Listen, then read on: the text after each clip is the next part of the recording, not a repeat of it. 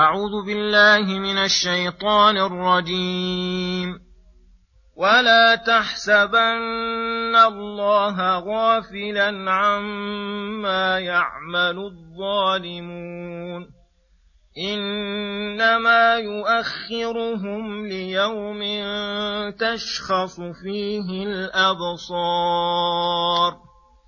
مهطعين مقنعي رؤوسهم لا يرتد إليهم طرفهم وأفئدتهم هواء وأنذر الناس يوم يأتيهم العذاب فيقول الذين ظلموا فيقول الذين ظلموا ربنا أخرنا إلى أجل قريب نجب دعوتك ونتبع الرسل أولم تكونوا أقسمتم من قبل ما لكم من زوال وسكنتم في مساكن الذين ظلموا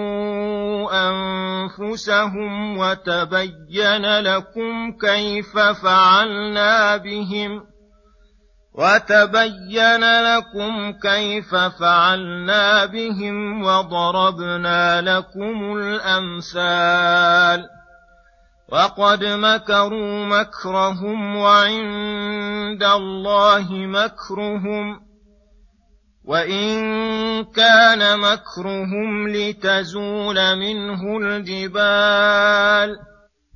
السلام عليكم ورحمة الله وبركاته. بسم الله الرحمن الرحيم. يقول الله سبحانه ولا تحسبن الله غافلا عما يعمل الظالمون إلى قوله وأفئدتهم هوى هذا وعيد شديد للظالمين وتسلية للمظلومين حيث يقول سبحانه ولا تحسبن الله غافلا عما يعمل الظالمون حيث أمهلهم وأدر عليهم الأرزاق وتركهم يتقلبون في البلاد آمنين مطمئنين. فليس في هذا ما يدل على حسن حالهم. فإن الله يملي للظالم ويمهله ليزداد إثما حتى إذا أخذه لم يفلته. وكذلك أخذ ربك إذا أخذ القرى وهي ظالمة إن أخذه أليم شديد. والظلم ها هنا يشمل الظلم فيما بين العبد وربه وظلمه لعباد الله إنما يؤخرهم ليوم تشخص فيه الأبصار أي لا تطرف من شدة ما ترى من الأهوال وما أزعجها من القلاقل.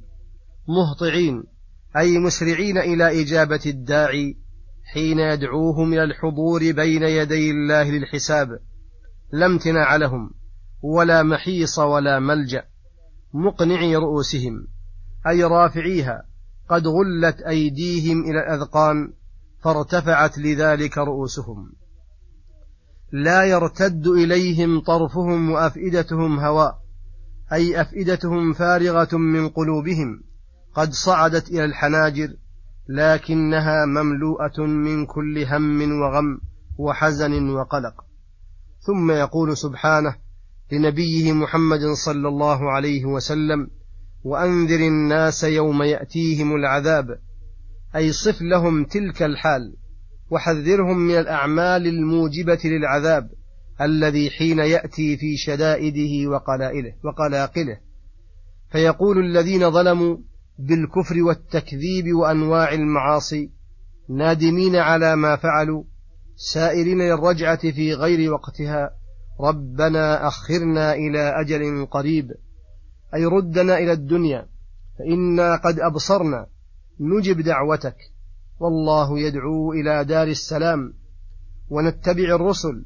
وهذا كله لأمل التخلص من العذاب الأليم. وإلا فهم كذبة في هذا الوعد. فلو ردوا لعادوا لما نهوا عنه.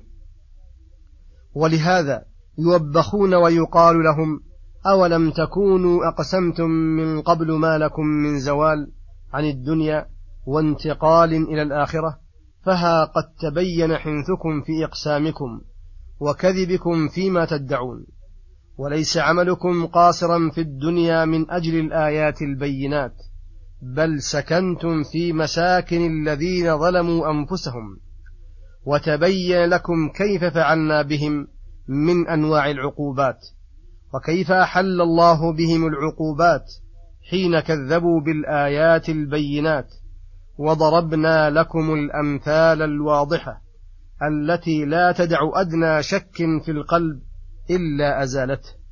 فلم تنفع فيكم تلك الآيات بل أعرضتم ودمتم على باطلكم حتى صار ما صار. ووصلتم إلى هذا اليوم الذي لا ينفع فيه اعتذار الذي لا ينفع فيه اعتذار من اعتذر بباطل. وقد مكروا أي المكذبين الرسل مكرهم الذي وصلت إليه إرادتهم وقدروا عليه. وعند الله مكرهم أي هو محيط بهم هو محيط به علما وقدرة. وقد عاد مكرهم عليهم ولا يعيد ولا يحيق المكر السيء إلا بأهله. وإن كان مكرهم لتزول منه الجبال أي ولقد كان مكر الكفار المكذبين الرسل بالحق وبما جاء به من عظمه لتزول الجبال الراسيات بسببه عن أماكنها. أي مكروا مكرا كبارا لا يقادر قدره ولكن الله رد كيدهم في نحورهم. ويدخل في هذا كل من مكر من المخالفين الرسل لينصر باطلا أو يحق أو يبطل حقا والقصد أن مكرهم لم يغن عنهم شيئا ولم يضروا الله شيئا وإنما ضروا أنفسهم. وصلى الله وسلم على نبينا محمد وعلى آله وصحبه أجمعين. وإلى الحلقة القادمة غدا إن شاء الله. والسلام عليكم ورحمة الله وبركاته.